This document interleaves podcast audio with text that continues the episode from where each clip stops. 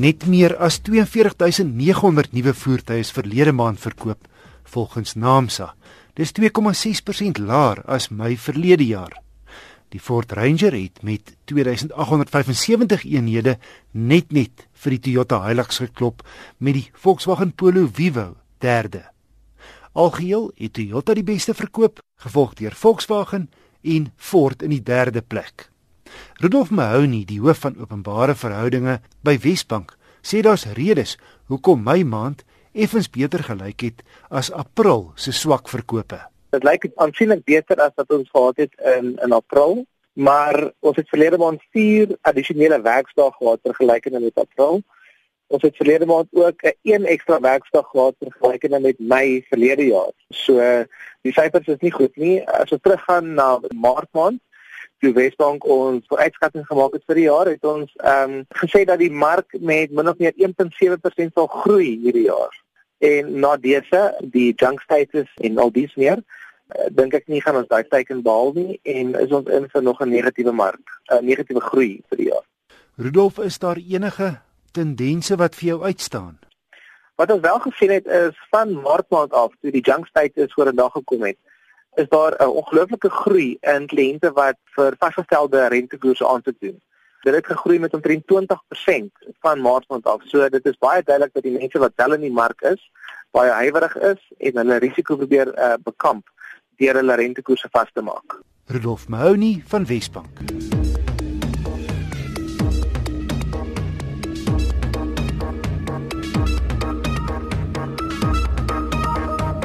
Fiat se oulike klein 500 Retro 3-deur lykrig is verlede jaar vernuwe.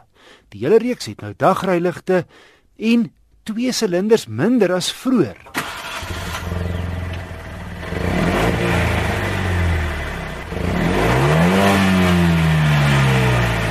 Die interessante grom kom van 'n twee-silinder. Dis reg alle 500s kom nou uit met wat Fiat noem 'n Twin Air 875 cc oontjie. Maar wag, daar's darm 'n turbo aangeskroef. Die dieder modelle stoot 77 kW uit, maar selfs die effe laer spesifikasie 63 kW wat ek getoets het, trek heel sterk deur die ratte ondanks lang radverhoudings.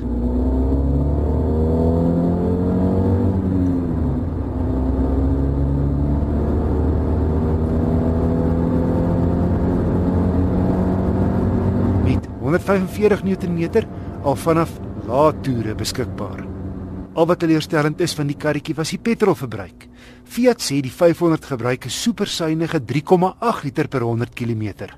Maar op my stad en ooppad siklus het ek 'n veel swaarder 5,7 gemeet op die ritrekenaar. Of presies 50% meer as Fiat se syfer. Dit ondanks drie kenmerke wat veronderstel is om petrol te bespaar. 'n Lang vyfde rad, 'n outomatiese stoprystelsel en turbo tegnologie. Hantering is lekker rats en daarmee saam 'n aangename rataksie. Soos buite is die binneruim ook smaakvol retro. Nou ondanks hierdie Fiatjie se kort lyf, is hy vir my as 'n lang ou heeltemal genoeg plek hier voor. Maar dan feitelik geen beenspasie vir iemand wat agter my sit nie die bagasieruim ook maar klein ondanks 'n Marie beskuit spaarwiel, maar ten minste kan die rugleunings van die twee agterste sitplekke vorentoe slaan. So as jy twee mense is wat voorsit, het jy daarom met die afgeslaane rugleunings spasie vir 'n hele paar tasse. Ek het die tweede goedkoopste model, die Pop Star, getoets. En dis verbasend volledig toegerus met onder meer wegtrekhulp, sewe lugsakke, elektroniese stabiliteits- en glybeheer, ses luidsprekers, 15 duim alloy wiele, parkeersensors en 'n sentrale kleur raakskerm. Om op te som, die Fiat 500 Twin Air Popstar is 'n stylvolle en prettige biksie. In die twee silinders se klank gee verder karakter.